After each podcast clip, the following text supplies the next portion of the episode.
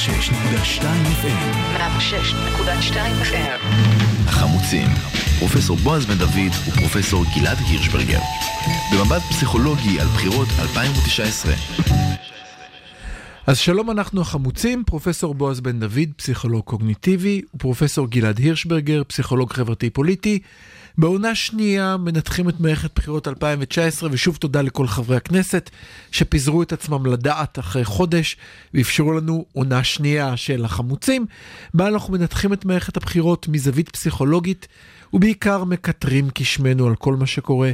אפשר ליצור אותנו או בלייב, עכשיו, למי שמאזין לנו, בשעה שלוש ב- ביום שני ב-106.2 FM, או בפודקאסט בכל אפליקציה קיימת, קיימת, פשוט גגלו החמוצים, ספוטיפיי, אייטיונס, אנחנו נמצאים בכל מקום. ואחרי כל הטעויות שלי בהתחלה, בואו ניכנס לעניינים. הפרק הראשון שלנו היום, השני לספטמבר, הוא ערביי כפר שמריהו כבר לא ערבים.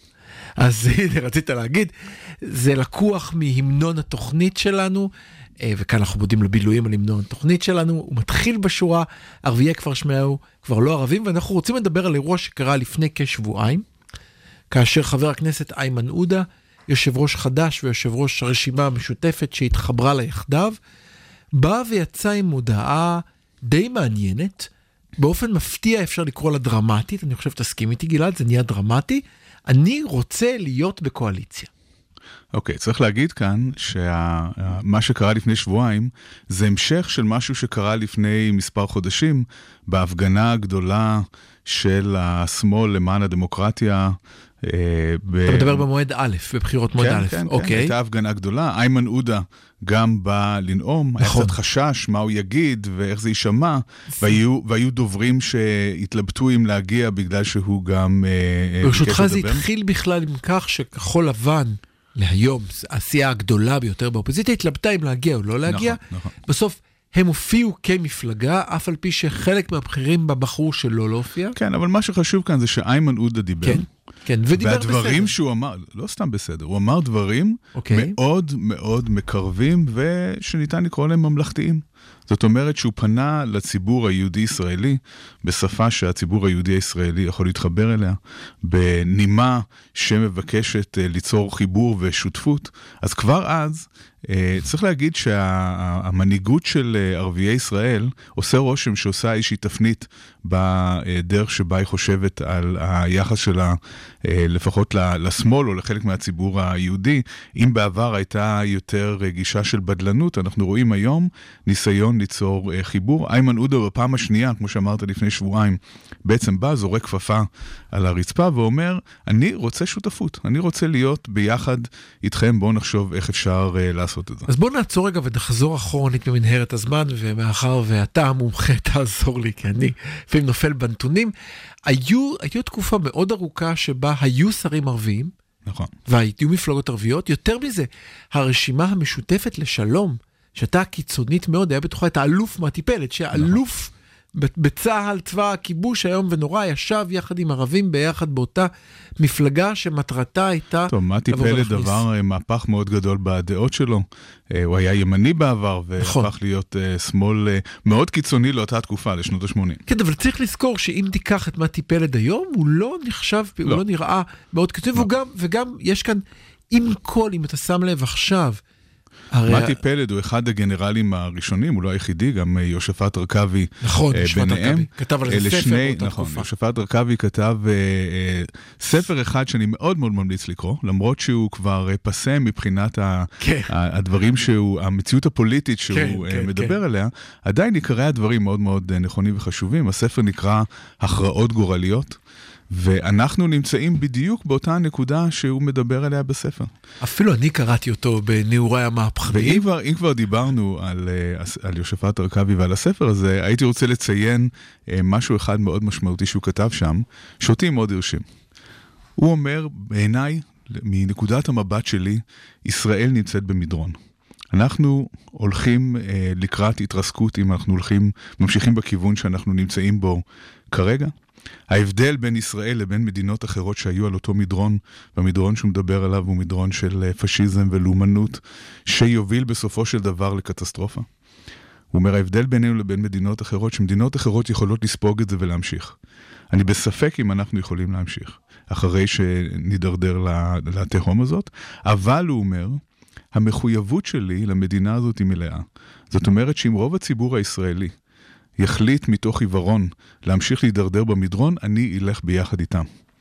והמשמעות של הדברים האלה היא מאוד מאוד חזקה בעיניי, בגלל שהוא אומר כמה דברים שלא תמיד שומעים בשמאל הישראלי. מצד אחד הוא אומר את הדברים בצורה אומר גם דברים הכי ש... חריפה ובוטה שיכולה להיות. הוא אומר, אתה, אתה העלית כאן שלושה נושאים, אז אני אתחיל לך, אבל... אבל רגע, תן לי לסיים את פתחת המשפט. לנו ארבע, שלוש סוגריים. תן לי לסיים את המשפט. נו. הוא אומר דברים שהם מאוד חריפים ומאוד נוקבים, אבל מצד שני הוא אומר, הנאמנות שלי לקבוצה היא מוחלטת.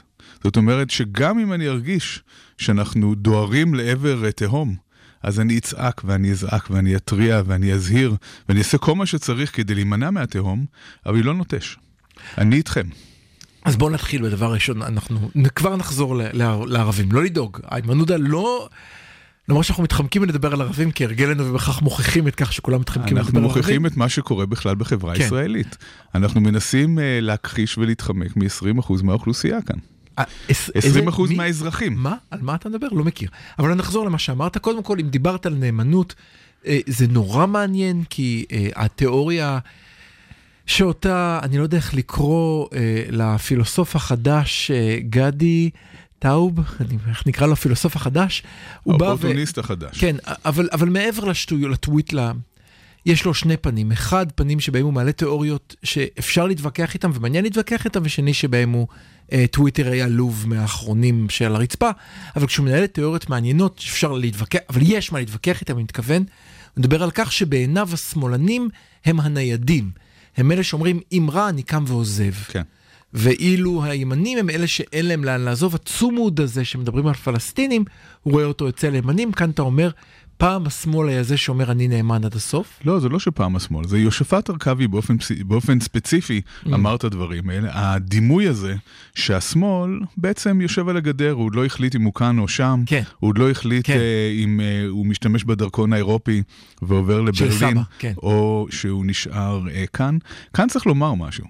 וזה שהתדמית הזאת של השמאל פוגעת בו קשות, וזה משהו שצריך אה, להילחם בו. והיא לא נכונה. והדבר השני, והדבר השני שבסופו של דבר, כן. כל השמאלנים כאן. אם- בברלין, בברלין, אנשים לא יודעים, בברלין יש פחות מעשרת אלפים ישראלים. לא, זה- מדברים על ברלין כאילו זה- שהייתה הגירה עצומה. אין כמעט הגירה מישראל. השמאלנים כאן.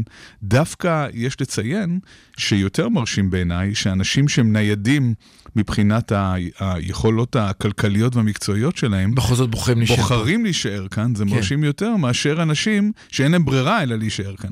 אני מסכים איתך, ויותר מזה, אם, אם התיאוריה של גדי טאוב הייתה מחזיקה מים, כמו שאמרתי, אני אוהב אותה כי אפשר להתווכח איתה, להבדיל מהטוויטר שלו, אם התיאוריה שלו הייתה מחזיקה מים, לא היה לחץ כל הזמן של הימין לאפשר לאנשים להצביע מחו"ל. למה כל הזמן הימין רוצה לאפשר לאנשים להצביע מחו"ל? כי הם יודעים שאם תסתכל על אזרחי ישראל שגרים היום למשל בארצות הברית, יש לך רוב מוחץ לימין, קרי, אלה שהתניידו הם דווקא הימנים ולא השמאלנים. מאוד קל להיות גיבור מרחוק. ואני- אבל כאן אני רוצה להחזיר אה, אותנו קצת לפסיכולוגיה, אם אפשר. אה, הנושא הזה של נאמנות, אה. אתה רוצה להגיד משהו? לא, אני חשבתי על ה... טוב, נו. הנושא הזה של נאמנות אה, מתחבר לאחת התיאוריות הכי יפות בפסיכולוגיה, שלא נחקרה די, אבל המחקרים שיוצאים ממנה הם מאוד יפים. אה, זו תיאוריה שנקראת Moral Foundations Theory. אה, אה, הפתעת אותי הפעם. זה, התיאוריה המרכזית לגבי המוסר, שמדברת על כך שהמוסר האנושי מורכב מחמישה נדבכים שונים. אה, דיברנו על זה, moral דיב- foundations theory, ואתה נכון. אמרת לי ש... רגע, בואו נעשה מבחן. אז אחד מהם, אחד מהם, אתה רוצה להיבחן? אחד מהם הוא... נאמנות למנהיג, ואתה... וזה הדבר לא ש... נאמנות למנהיג, נאמנות לקבוצה. נאמנות יש, לקבוצה, יש. אה, אה, קבלה של סמכות של המנהיג נכון, ונאמנות. נכון. עכשיו, אה, מה שאנחנו הבנתי. רואים, אנחנו רואים שאצל ימנים, שני, הסוג, שני הנדבכים האלה של הנאמנות, של המוסר, הם מאוד מאוד מרכזיים, מאוד חשובים. כן. השמאל מסתכל על זה בפרצוף עקום קצת, כאילו, מה פתאום נאמנות? מה פתאום שנקבל סמכות? וכאן אני עוצר וכאן, אותך. וכאן, טוב, יש לציין, סליחה שאני לך על זה. אני ממשיך במונולוג. לך על אה, זה. כאן יש לציין, ש... אה, ו- וכאן אני מביא דברים דווקא של אהוד ברק, הייתי בהרצאה של אהוד ברק לפני כמה אה, אז שנים. אנחנו שנינו התפרצנו לאותה דלת, כן. ואהוד ברק, דיבר על התיאוריה הזאת, שזה הרשים אותי מאוד שהוא מכיר את התיאוריה, והוא אמר, אחת הטעויות הגדולות של המחנה הליברלי בישראל, זו שהוא לא מבין ששני הנדבכים האלה של המוסר, של נאמנות לקבוצה וקבלה של סמכות של המנהיג, היא מה שגרמה או אפשרה לקבוצות לשרוד לאורך ההיסטוריה. קבוצה שאנשים לא היו נאמנים לקבוצה, או שלא שמעו בקול המנהיג, לא הצליחו לשרוד. היום אנחנו נמצאים במציאות ליברלית מאוד שונה, ואולי הדברים קצת שונים, אבל אה, אנחנו, המצב האנושי היום לא מייצג את אה, 99.9% מההיסטוריה האנושית. לא, אבל, אבל ברשותך, קודם כל, ועדיין, אלה שבאמצע, אני אוהד כדורגל, אלה שעוזבים באמצע המשחק, שהקבוצה מפסידה, מקבלים בוז ומכות מהחברים. כאילו אם אתה אוהד הפועל, תישאר עד הסוף גם כשמפסידים, עד הסוף, כי זה חלק מהתפקיד שלך.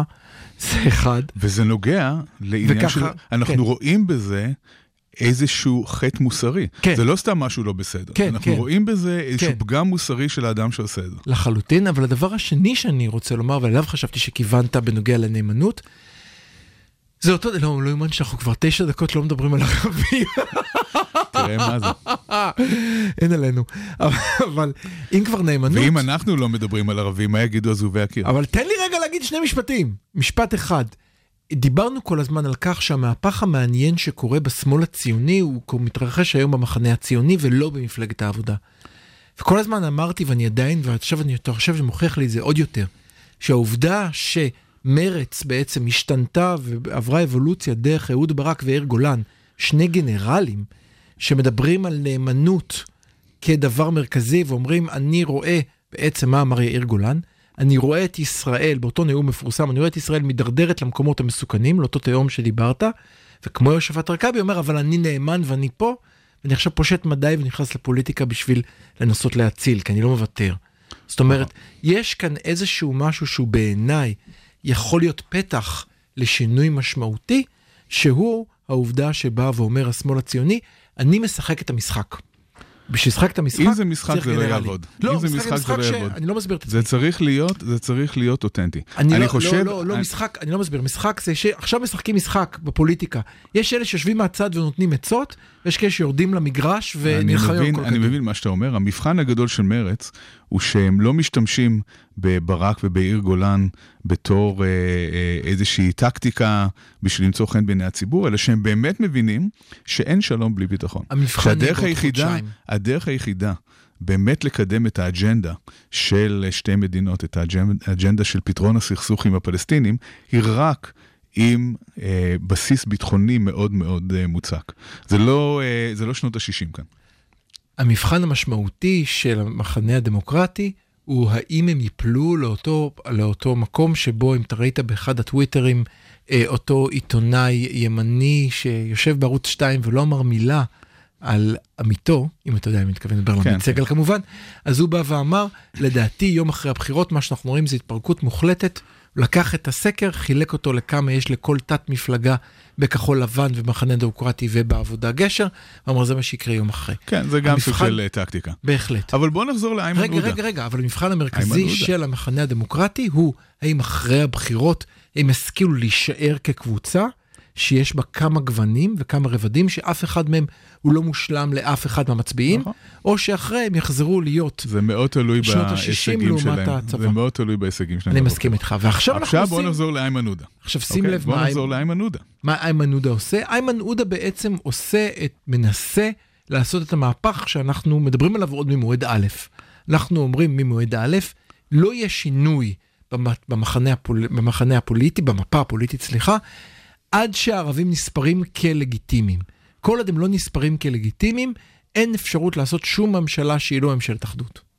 או ימין. עכשיו, זהו. אם, אם אה, תרשה לי, כמה כן. מילים על הקושי לקבל מיעוטים לתוך אה, הקבוצה. כן? איך, כ- כיצד אה, קבוצת הרוב מתמודדת עם אה, מיעוטים. זה דבר קשה. אנחנו יודעים שזה דבר קשה בכל מקום. נכון. אם אנחנו מסתכלים על ההיסטוריה של ארה"ב, אז אנחנו נמצאים היום אולי בתחילת שנות ה-60 מבחינת המקום שארה"ב הייתה בו. אה, הברית אה, נקבע הכלל במשפט המפורסם של פלסי versus פרגוסון של separate but equal. של אה, נפרדים, אבל אה, שווים, עד שבסופו של דבר אה, בית המשפט העליון האמריקאי קבע ש... שהפרדה היא לא שוויונית. מכאן אפשר לרוץ כמובן לכל סיפורי ההפרדה האחרים שקיימים בישראל, אבל בואו נתמקד כן. בנושא כן. הערבי. כן. ומאותו רגע, התחיל איזשהו תהליך מאוד מאוד קשה ומאוד מאוד ארוך של שילוב אה, האפרו-אמריקאים או השחורים האמריקאים בתוך ארצות הברית. אחת הנקודות המאוד אה, משמעותיות הייתה למשל אה, ב-1960, אה, רובי ברידג'ס, ילדה קטנה, בת שש, אה, בכיתה א', כן, כן. שבפעם הראשונה נכנסה לבית ספר לבן. היא הייתה ילדה שחורה ראשונה התמונה המפורסמת שהיא מלווה שהיא ב... מלווה על ידי המשמר guard. הלאומי, על כן. ידי ה-US Marshals, כן? כן, היא, כן. היא מלווה על ידי המשמר הלאומי האמריקאי. אה, זה עורר סערה מאוד גדולה, זה עורר כן. התנגדות מאוד גדולה, אבל היא פרצה את הדרך. כן. והיום זה כבר אף אחד לא... ממצמץ שהוא רואה תלמידים לבנים ושחורים באותו בית ספר. הוא לא ממצמץ, הוא פשוט עובר דירה לאזור שבו יש יותר לבנים בבית לא, ספר. אתה יודע, אפשר להיות ציני, אבל זה גם לא נכון. לא. אני, אני למדתי אה, בכיתה א'-ב' בארצות הברית, ולמדתי בבית ספר... באיזה מדינה? בקליפורניה, בסדר. אוקיי. לא, לא, בוודאי, זה לא בכל המקומות אותו הדבר. אני למדתי בבית ספר שרוב התלמידים היו אסיאתים ושחורים, והיו כמה לבנים גם, וזה היה בסדר גמור, ולא קרה כן. לאף אחד שום דבר, וזה היה מאוד uh, מגוון, וכמה שאפשר לזכור. כן. אוקיי. Uh, וזה ככה עד היום, ואין עם זה בעיה. אנחנו נמצאים היום בנקודה, בישראל, שבה פתאום הדלת הזו מתחילה להיפתח, ו... מתחילים לשלב ערבים במקומות שונים בציבורית סדק, הישראלית. סדק. סדק. ו- ואני חושב שלנו כיהודים ישראלים יש בעיה מיוחדת. הבעיה המיוחדת היא ההיסטוריה של עם ישראל. ההיסטוריה של עם ישראל היא כזו, שכדי לשרוד את הגלות הארוכה, מה שהעם הזה היה צריך לעשות, זה ליצור הפרדות מאוד משמעותיות בינו לבין הסביבה. כל, okay. הח, אוקיי. כל החוקים המאוד okay. אוקיי. נוקשים, נכון, שאסור להתחתן עם גויים, שאסור uh, להתחבר עם גויים, חלב נוכרי, שאסור, שאסור uh, לאכול אצלם, שהם היו המון המון חוקים ומגבלות שיצרו מצב שבו הסיכוי שהעם הזה יתבולל עם הסביבה שלו הוא קטן יותר, וככה בעצם אלפיים שנה הצלחנו לשרוד בגלות. אתה לא יכול לשרוד שבת אם אין עשרה גברים מעל גיל 13, מה שאומר שכל הקהילה שלך חייבת להיות כזאת שבעדה וכך הלאה. זאת אומרת שב-DNA הלאומי שלנו יש קושי מאוד מאוד משמעותי של לקבל את האחר לתוכנו. אנחנו היום במצב אחר, אנחנו היום במצב שיש לנו מדינה, אנחנו החזקים, אנחנו הרוב, וכדי להתקדם וליצור חברה שהיא באמת יותר טובה, אנחנו חייבים גם לאפשר למיעוטים להיות חלק מהמשחק. חייבים לתת להם להיות חלק מהמשחק הפוליטי, חייבים לתת להם להיות חלק מהמשחק בכל תחומי החיים השונים. ואני מוכרח להגיד שכאן בבינתחומי אנחנו עושים מאמץ מאוד גדול כדי לקבל תלמידים מהמגזר הערבי ולקדם אותם ולהוביל אותם קדימה כדי שיצליחו ויוכלו להשתלב במקומות הכי טובים בחברה הישראלית. אבל, אבל, למרות שנגמר לנו הזמן, אני חייב לשים את האבל, אה, יש אה, מורכבות מאוד גדולה שנוצרה לדעתי בעקבות קמפיין מחודד ומדויק על הנושא שאסור להגיד ערבים, ואכן, נכון. הימין, דקה... הימין לא בוחל בשום uh, אמצעי גזעני כדי ללחוץ על הכפתור שכולנו רגישים אליו. אבל דקה של אחרי... של אוי ואבוי מה יקרה אם הערבים ישתלבו ויהיו לב, חלק מאיתנו. שים לב, דקה אחרי ההצהרה של איימן עודה, גנץ לא העז להגיד את המשפט הבא, שהוא לדעתי המשפט הנכון. כן. המשפט הנכון בעיניי, אם אני הייתי קמפיין שלו, הייתי אומר דבר הבא. בממשלה שלי יהיה שר ערבי, אבל הוא לא יהיה איימן עודה. הוא יהיה שר ערבי שבלה בלה בלה בלה, ויגיד את כל הבלה בלה שלו, כי הוא רוצה קולות מרכז, אבל להגיד יהיה שר ערבי. גנץ מעדיף, יצא, מעדיף להישאר מבחן השלכה. הוא ברח. גנץ מעדיף להישאר מבחן השלכה. מה זה מבחן, מה זה מבחן כן. השלכה? מבחן השלכה זה שמראים לך תמונה של משהו, כן. משהו כזה קצת אמורפי ולא ברור, ואתה משליך על התמונה את הסיפור שלך, את מה ש... כן. אה, את הפנים שלך, את המצב הנפשי הפנימי שלך, אתה משליך על התמונה. גנץ מעדיף להישאר מבחן השלכה, ובצורה כזאת אה, כל אחד יכול לראות בו את מה שהוא רוצה, והוא בוודאי לא רוצה להתחייב לשום דבר שזאת בעיה. אבל בהקשר של הערבים, אחד הדברים שאני מוכרח להגיד, שמרשימים אותי שוב, אהוד ברק, שבמידה רבה אחראי לסיפור של אוקטובר 2000, לא כן. רק שהוא התנצל על העניין הזה, אלא שהוא שינה כיוון. הוא היום מדבר בצורה מאוד מאוד ברורה על שילוב של המפלגות הערביות בפוליטיקה הישראלית. ואנחנו צריכים לסיים, אז אני רק אסכם, דיברנו על איימן עודה, שבא ואמר, אה, אה, בואו קחו אותי לקואליציה, השמיים נפלו. משם בשביל להוכיח שאף אחד לא מתעניין בערבים, גם אנחנו לא התעניינו בערבים וניסינו לדבר. הגענו ליושפת ארכבי ודיברנו על לא התחמקנו. ומה שלא עשינו בסוף, בלית ברירה חזרנו לדבר על ערבים. אבל ו... זה נושא מאוד חשוב. וכאן אני, אני חייב להגיד משהו לגנותו של איימן עודה. לו איימן עודה היה מנהיג אמיתי של המפלגות שבהם הוא נמצא, היה להם היום הסכם עודפים עם אהוד ברק. העובדה שהם לא מסוגלים לסגור הסכם עודפים עם אף מפלגה נוספת כי יש בה יהודים. לא, יש להם בעיה שנקראת בל"ד. נכון. ו- ובסופו של דבר אני מאמין שבל"ד תצטרך להתפרק מהמפלגה הערבית המשותפת, והשאר שהם יותר מתונים כן יוכלו אנחנו, לחבור uh, למפלגות היהודיות. בסופו של דבר מבחן המעשה הוא מבחן המעשה, וזה המעשה שנעשה, אף על פי שהוא רק חשוב הצהרתית, הוא אומר משהו, אה, אה, אם אתה מוכן להיות בקואליציה, של גנץ, אז אתה אמור להצליח לחתום על הסכם עודפים עם מפלגה ציונית ולו אחת.